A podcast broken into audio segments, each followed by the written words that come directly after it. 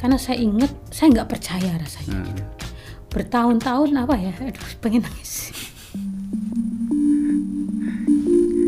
malam itu saya nggak bisa tidur sebelum sidang paripurna itu tapi dari awal memang saya menerima banyak sekali ancaman gitu Seperti apa? Mbak? Em, mau dibunuh pernah lalu em, nama saya disebarluaskan di internet sebagai em, prostitusi. Jadi saya itu pelacur online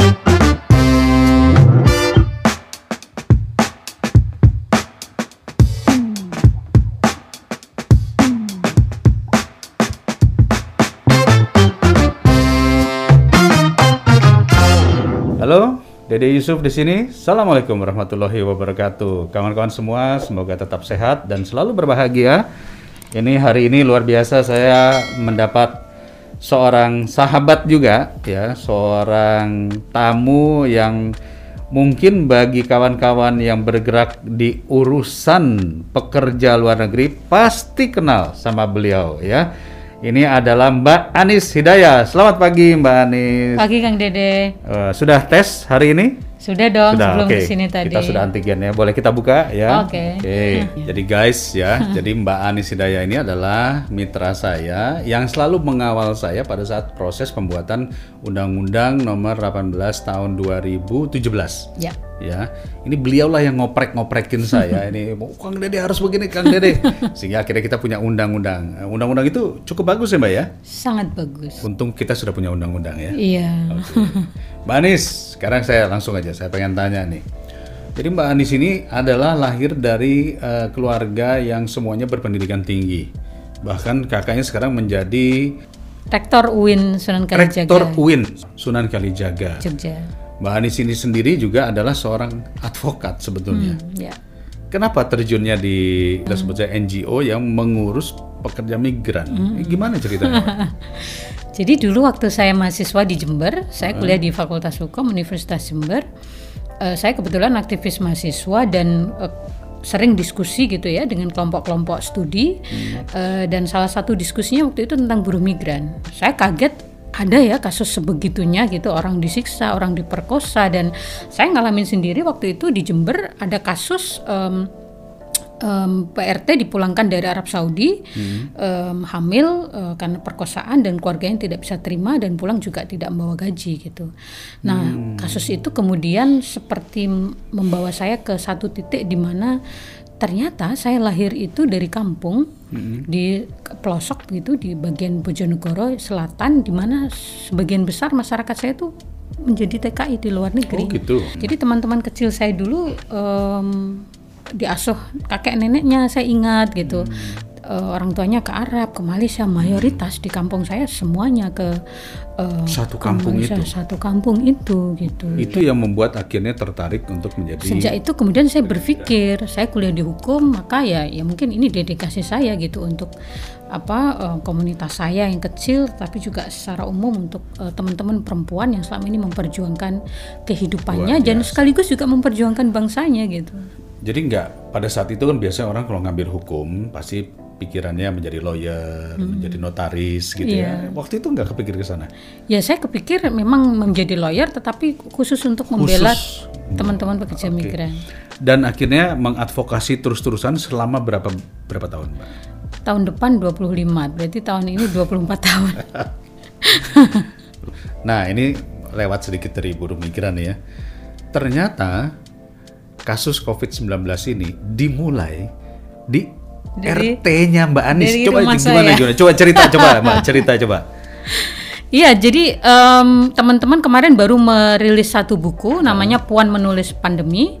Eh, itu ada 56 perempuan, saya salah satunya. Em, ada beberapa profesor, eh, pasien, eh, teman-teman perempuan dari berbagai daerah dan saya menulis tentang apa yang terjadi di RT saya di perumahan saya yang RT ya, jadi RT, RT ya. saya kebetulan suami saya kan ketua RT. Oh, suaminya ketua RT ya. Jadi ini ibu ketua RT ya. Oke.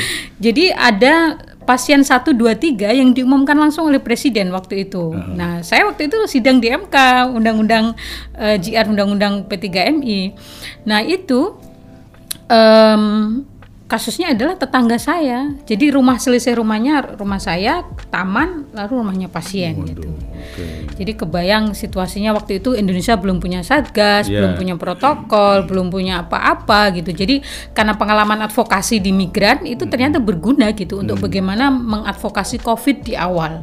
Apa Saya- yang dilakukan, Mbak? Saya waktu itu langsung menghubungi em, eh, pemerintah pusat ya KSP, Kementerian Kesehatan, Kementerian Pemberdayaan Perempuan gitu, kementerian-kementerian terkait yang saya pandang terkait apa yang harus kami lakukan gitu. Kemudian ke Pemkot begitu ya. Hmm, hmm. Di daerah mana sih, Mbak? Di Dep- Depok. Depok ya. Iya. Oke. Jadi em, satu mensupport pasien, dua menenangkan warga karena gaduh semua. Pada saat itu panik semua Tiba-tiba ya. hari itu beberapa warga yang kerja kantor dipulangkan, kemudian mereka di lockdown 14 hari nggak boleh masuk kerja, situasinya nggak menentu, protokol nggak ada gitu.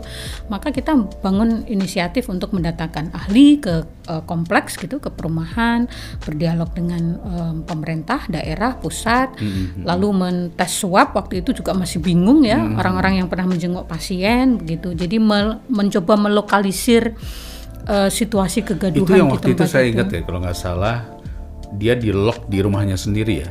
Dibawa ke rumah sakit apa enggak, Mbak? Em, sebe- sebetulnya memang pasien itu posisinya di rumah sakit karena tipes dan paru ya. Anaknya itu putrinya itu kan paru gitu. Jadi memang dirawat. Tetapi kemudian eh, dia cerita gitu bahwa teman saya yang eh, pernah bareng di satu acara itu positif gitu orang Jepang Eh, Dia dapatnya dari mana tuh waktu itu ya? ya itu dari komunitas Jepang itu eh, ya? internasional eh, ada, ada satu event internasional di Indonesia di mana eh, pasien satu itu ada di situ Hmm. dan em, sat- salah satu peserta itu juga positif dan itu di luar negeri sudah pulang ke negaranya gitu. Jadi artinya kemungkinan besar bahwa ini dibawa dari luar negeri. Wallahu a'lam kita Karena kan tidak tahu. pasien zero atau kita sebutnya pasien zero di di Indonesia itu dapatnya dari pertemuan dengan komunitas-komunitas yang ada pertemuan dengan orang-orang luar negeri ya. Nah, karena waktu itu kita Indonesia mengatakan enggak, enggak bakal sampai ada, ke sini. nggak ada ya. gitu. Kita kecolongannya berarti apa? Kecolongannya di bandara. Kita tidak lockdown bandara Kira-kira. pada saat itu. Kira-kira. Oke, menarik. Masih suka berkebun sayur? Masih dong. Oke. Jadi Mbak Anis ini punya hobi sekarang di rumah selama lockdown ini adalah berkebun sayur, bahkan punya channel YouTube sendiri tentang berkebun. Gimana tuh ceritanya, Mbak? Jadi sebenarnya em, apa ya eh, menekuni advokasi migran itu kan berat Kang. Mm-mm. Nangani kasus, kadang proses undang-undang juga lama itu stresnya luar biasa gitu. Jadi memang kita em, apa ya self healing gitu di rumah gitu dan saya Oh, berkebun. oke. Jadi sejak sebelum pandemi saya sudah punya kebun sebenarnya di rumah. Ah, Jadi kalau stres itu nangani kasus, ngurus undang-undang rumit itu saya berkebun memang dari dulu. Oke. Jadi punya kebun sayur di balkon saya gitu. Tetapi saya mengajak eh, warga di perumahan untuk juga berkebun dan sudah banyak gitu. Oke. Nah akhirnya pada masa pandemi em, ternyata orang nggak punya banyak alternatif pilihan ya. Jadi jangan terpuruk, tetapi juga jangan kemudian takut nggak ngapa-ngapain gitu. Akhirnya komunitas itu makin em, solid, makin intensif berkebun dan mengajak banyak orang selama pandemi itu untuk berkebun. Ada gitu. namanya? Dan positif. Komunitas kami em, Rosai Rumah Organik Studio Alam Indah itu nama perumahan em, Oke. saya. Kalau YouTube-nya di YouTube saya channel saya Anis Hidayah gitu tentang berkebun di situ. Berkebun ya. Jadi an- aneh nih, Anis Hidayah, seorang pejuang pekerja migran yang memperjuangkan 8 juta orang, tetapi channel YouTube-nya tentang berkebun ini buat saya agak aneh ini. ada juga sih beberapa kontennya tentang buruh migran gitu Oke. tetapi yang paling banyak konten berkebun gitu karena sebenarnya kita semua kan sedang sakit ya. Jadi sejak pandemi itu semua orang sakit gitu. Sehingga apa sih yang bisa dilakukan? Kita sembuh kita nggak terpuruk tetapi produktif gitu. Betul, bahkan beberapa komunitas itu bisa jadi income. Jadi em, ternyata Sayur atau janda bolong? sayur. Oh, sayur, yang- oke. jadi yang yang bisa dimakan setiap hari gitu. Ah. jadi saya dan beberapa komunitas eh, di di kompleks itu sudah nggak pernah beli di pasar Nggak lagi ke pasar? karena kita setiap hari ya panen dari kebun Tiap hari panen? Setiap hari, Apa aja misalnya sayur apa aja? em, pokcoy, kol, kacang panjang, kangkung, bayam, brokoli. Menghasilkan berapa mbak? Kalau saya tidak saya jual memang karena spirit dipakai saya kan sendiri? membangun gerakan ya. Jadi saya pakai sendiri, saya bagi-bagi ke tetangga, teman gitu. Oke. Tetapi komunitas memang punya pasar organik gitu. Jadi dikelola siapa yang lagi panen, eh, siapa yang butuh gitu dan Jadi pada banyak saat kemarin pandemi, orang takut ke pasar, Ya. eh, menghasilkan sendiri, tapi kemudian ada yang berbisnis nggak di situ? Ada yang berbisnis em, langsung dijual sayur segar, ada yang dibuat olahan gitu, jadi jus, jadi keripik segala macam di komunitas gitu. Jadi menarik. Oke, ini ini bagus sekali ya. Jadi bagian dari move on itu adalah kita melakukan satu transformasi dari hal-hal yang mungkin terhambat akhirnya kita berkebun Iya. dan akhirnya ya menjadi sebuah gerakan baru. Menarik Mbak, ayo kita minum dulu ya. Jadi sambil kita melihat apa yang dilakukan Mbak Anis dalam akhir-akhir ini.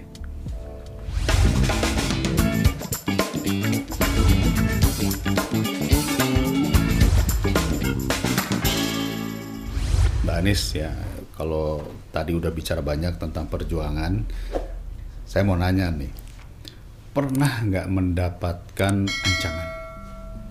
Banyak, Oh, sering. Oke. Iya.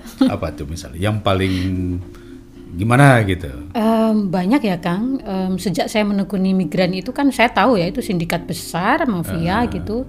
Eh, keluarga saya sudah mengingatkan dari awal gitu hati-hati gitu. Oke. Em, ya saya yakin saya kan punya Tuhan. eh, teman-teman migran itu doanya kan juga kuat ya. Korban itu doanya kuat gitu. Tetapi dari awal memang saya menerima banyak sekali ancaman gitu. Seperti apa? Mbak? Em, mau dibunuh pernah em, apa dikirimin makanan em, misterius ke rumah itu juga sering lalu em, nama saya disebarluaskan di internet sebagai em, prostitusi em, eh, prostitut online gitu. Jadi saya itu pelacur online Eh, setiap habis migran care habis nangani kasus-kasus gitu ya terutama kasus-kasus yang besar itu pasti bermunculan gitu. Lalu HP saya penuh dipesan orang eh, nggak hanya dari Indonesia tetapi juga dari berbagai negara.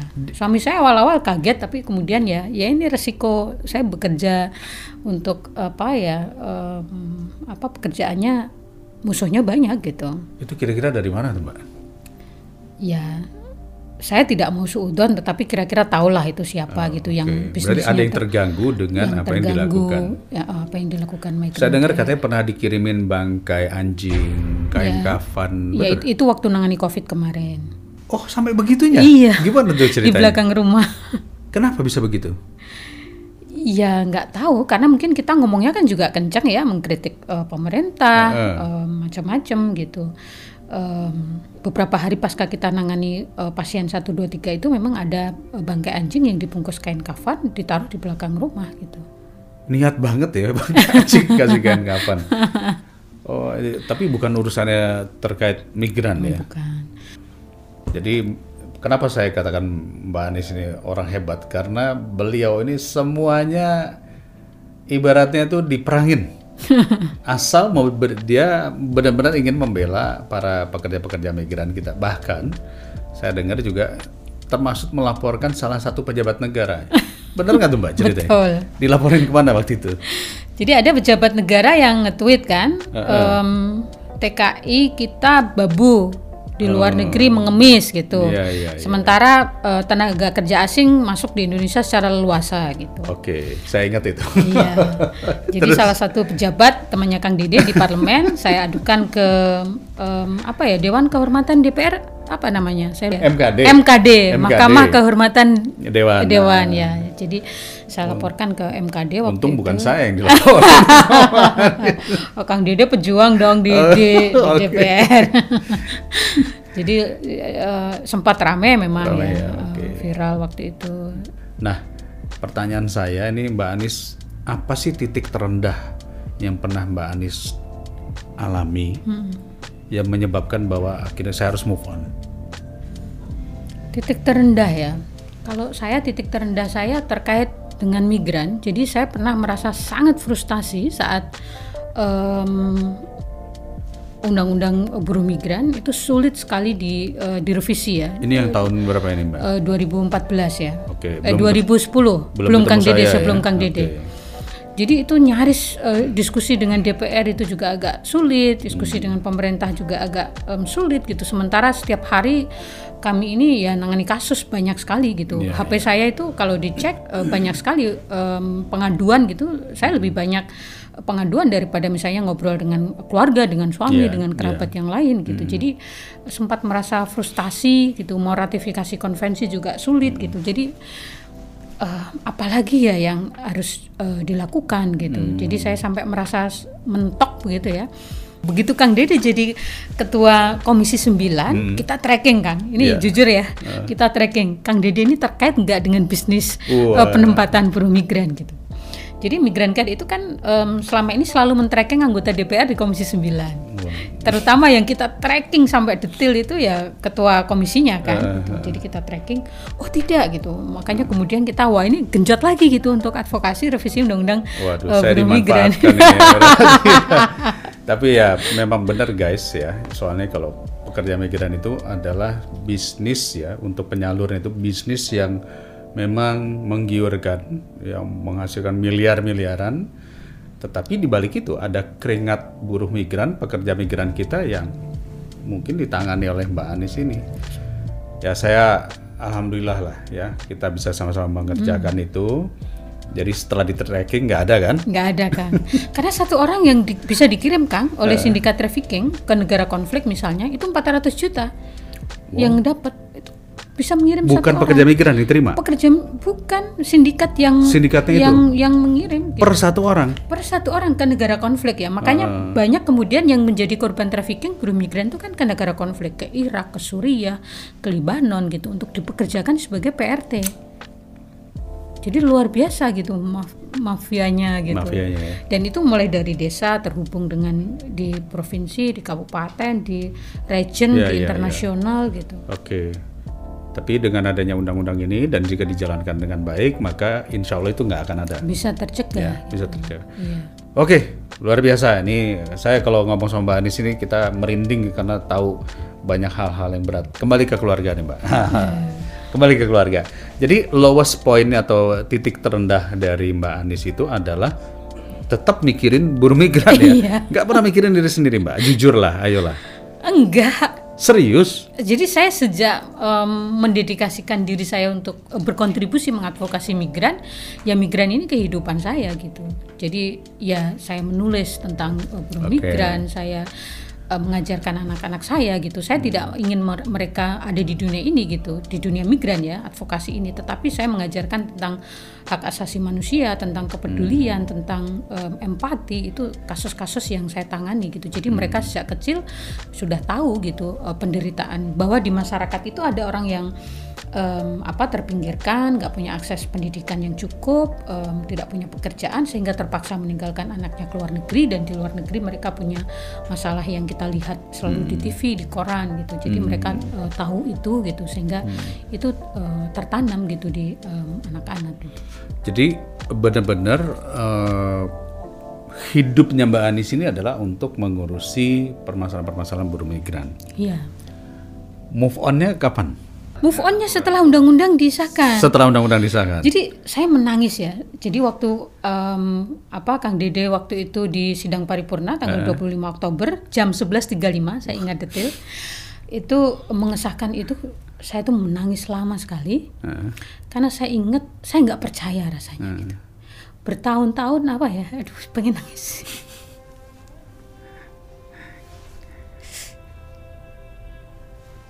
Nggak apa-apa Mbak. Ini perjuangan yang luar biasa sekali. Jadi apa yang yang dirasakan pada saat itu?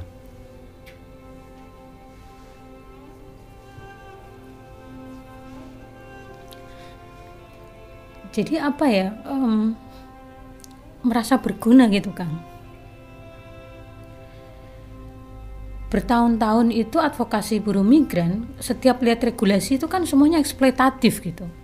Jadi eh, struktural gitu, apa yang em, menimpa, em, kenapa mereka nggak digaji, kenapa mereka disiksa, kenapa mereka apa eh, dihukum mati dan lain sebagainya itu struktural karena regulasinya tidak tidak melindungi gitu. Maka selama eh, hukum kita itu tidak berpihak pada mereka maka itu nggak bisa dihentikan gitu. Bagaimana mengakhiri segala bentuk eh, ancaman pelanggaran ham terhadap mereka yang kita selalu sebut pahlawan devisa itu nggak akan mungkin terjadi gitu kalau undang-undang itu nggak ada gitu jadi begitu itu disahkan saya tuh menangis itu waktu ketok palu itu nangis malam itu saya nggak bisa tidur sebelum sidang paripurna itu Dan pasti banyak teman-teman yang bersama Mbak Anies pada saat itu ya. Mbak Siti Badria, Mas Wahyu, siapa lagi itu? Iya Mas Nur Arsono Mas Nur. Dan ketika diketok, pecah bisul ya Mbak ya. iya Jadi move on-nya adalah pada saat undang-undang itu di pada saat itu dan Putuskan. ternyata nggak lama kan karena setelah itu ternyata ada CR jadi itu juga waduh ada CR Ada gitu. lagi gitu baru ya. nafas sebentar kan kita ternyata nggak boleh memang euforia gitu Nggak kita boleh, sempat euforia gitu jadi wah kita berhasil gitu itu Hmm. luar biasa perjuangan karena cita-cita lama sekali kan itu Ya, ya. jadi ternyata nggak boleh euforia Ya, ya. em, harus fight lagi di MK satu setengah tahun gitu makanya wak- waktu saya ingat saya WA Kang Dede kan waktu MK eh, alhamdulillah kita menang Kang gitu MK tidak mengabulkan gugatannya Aspataki itu itu saya juga nangis lagi itu Aduh, luar biasa. Jadi, oke sahabat-sahabat move on. Saya dengerinnya juga pengen nangis juga, ya, tapi saya nggak boleh kelihatan nangis. Artinya apa? Move on itu tidak harus dari kegagalan. Move on itu tidak harus dari kita merasa terpuruk. Tapi move on itu juga adalah ketika kita bangkit dari satu masalah, lalu kemudian kita akan menghadapi masalah, kita harus move on lagi. Kita harus berjuang lagi. Karena hidup itu adalah penuh dengan perjuangan. Dan siapa yang bisa mengambil hasil adalah mereka yang konsisten. Jadi menurut Mbak Anies, dalam perjuangan selama 25 tahun ini, apa sih rahasianya untuk bisa konsisten? Hmm, menjaga empati kan Empati. Iya, jadi em, berinteraksi dengan korban menurut saya itu seperti charging empati gitu. Jadi em, saya juga takut menjadi banal ya, menjadi bebal karena kan setiap hari kita nangani kasus yang sama Betul. gitu. Menganggap orang nggak digaji, oh ini biasa, udah udah banyak yang ngalamin gitu. Oh ini di eh, disiksa udah biasa kalau di Arab memang eh, disiksa potensinya, kalau di Malaysia potensinya disiksa gitu. Jadi kita merawat empati gitu bahwa ini situasi yang em, serius itu dengan kita berinteraksi dengan korban, nangani kasus gitu.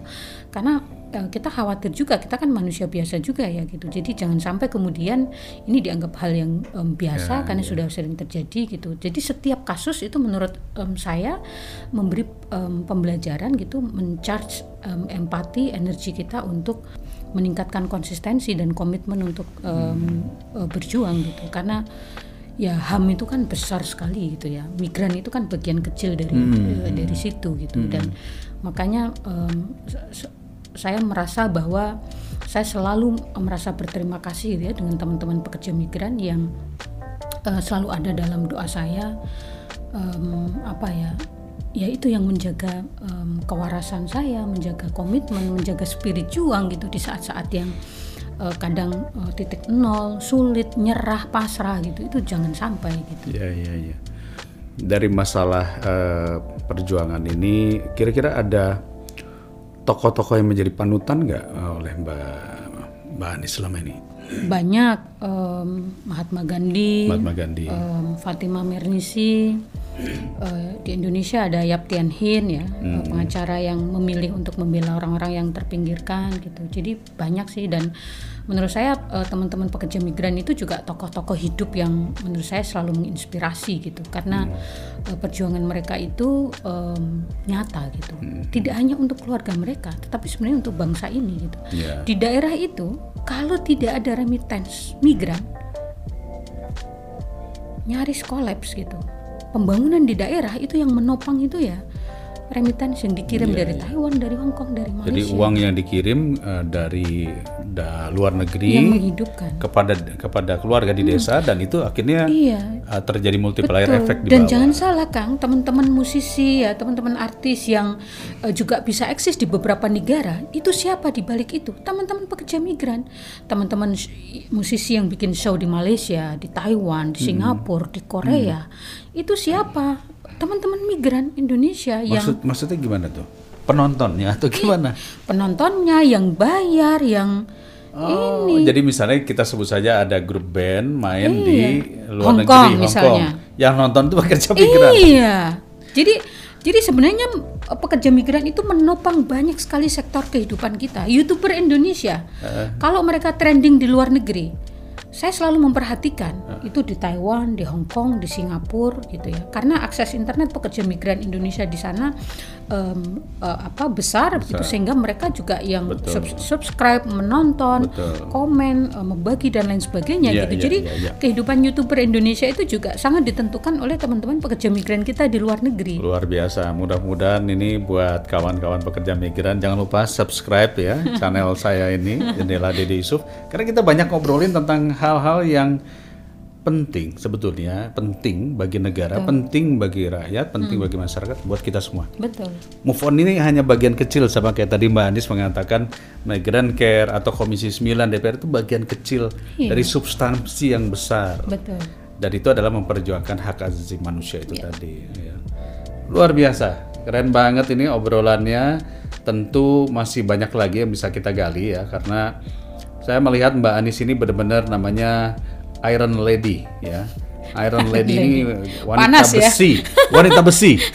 Kenapa? Karena biasanya kalau saya tanya kepada eh, seorang wanita apa yang yang masalah terberat ya biasanya eh, keluarga ya masalah apa anak suami ekonomi ini ngurusi orang itu Padahal saya cengeng loh sebenarnya. aduh luar biasa jadi Iron Lady bener ya dan kita salut respect sama Mbak Anis ini mudah-mudahan ini jadi inspirasi buat wanita-wanita lain ya bahwa eh, wanita itu tidak harus tadi hanya memikirkan eh, keluarga saja tetapi juga bisa memikirkan orang banyak dan contohnya kita kita dengar tadi ya eh, Indira Gandhi juga termasuk Iya, betul. ya dulu Aung San Suu Kyi juga bagus tapi Iya. belakangan jadi Iya, menjadi tidak bagus ya Iya. dan masih banyak lagi orang-orang yang memperjuangkan mengenai hak-hak wanita. Dan ini saya pikir ini bagian daripada move on juga. Betul. ya bagian dari move on untuk kalau kita ini yang bisa saya kutip ya dari Mbak Anis ya. Kalau kita memikirkan kelemahan diri kita maka kita nggak akan berkembang. Tapi kalau kita memikirkan bagaimana orang lemah harus kita perjuangkan maka otomatis kita akan berkembang betul nggak setuju nggak Betul. Mbak Anies mendapatkan pengetahuan ilmu-ilmu selama ini justru karena memikirkan kelemahan orang lain Betul. apa yang tidak dimiliki orang lain dan ingin diperjuangkan membuat Mbak Anies mampu berjuang di MK, mampu melawan pejabat, mampu melawan mafia-mafia. Sesuatu yang jarang bisa dilakukan oleh seorang wanita. Itu justru karena memikirkan orang lain. Jadi tipsnya yang saya tangkap dari Mbak Anies ini adalah jangan mikirin diri sendiri. Pikirkanlah permasalahan orang lain, maka masalah kita akan diselesaikan. Betul nggak kira-kira? Iya. Tapi suami saya kadang-kadang protes juga. Hmm. TKI di rumah sakit nih katanya. Jangan mikirin TKI di luar negeri terus, TKI di rumah sakit katanya. Maksudnya ya dia Hmm. Oh anak-anak suaminya gitu ya. sakit. Oh diurus nggak tuh kalau di rumah? Kadang-kadang. Oke, Mbak Anis, saya masuk kepada ini saya akan menyampaikan namanya quick response. Jadi quick response ini tanya jawab, tapi jawabnya harus cepet Oke. ya, nggak boleh mikir. Siap ya? Siap. Wortel apa kentang? Wortel. Kenapa? Saya nanam. Baik. Kalau buahnya tomat apa pisang? Em, tomat. Tomat. Good. Kalau masakan sayur tumis apa sayur kuah? Tumis. Kenapa? Saya suka aja. Oke. Sekarang kalau piknik ke gunung apa ke pantai? pantai. Kenapa?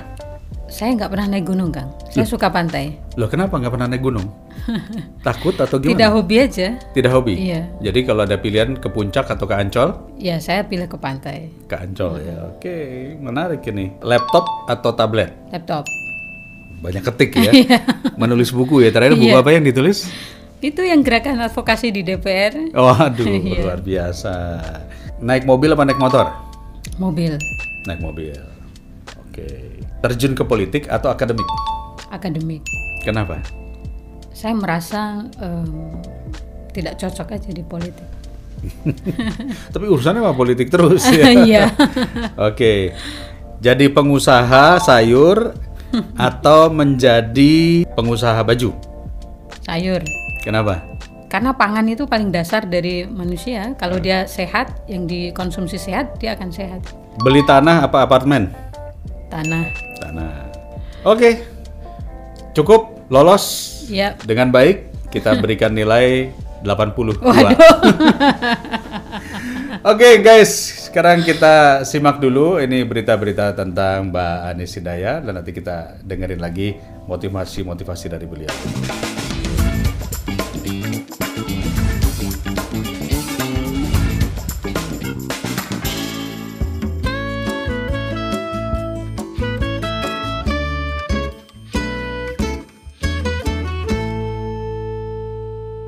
Nah sekarang Mbak Anis, saya pengen tanya nih, kira-kira ini kondisi pandemi ini masih ya bisa setahun lagi lah.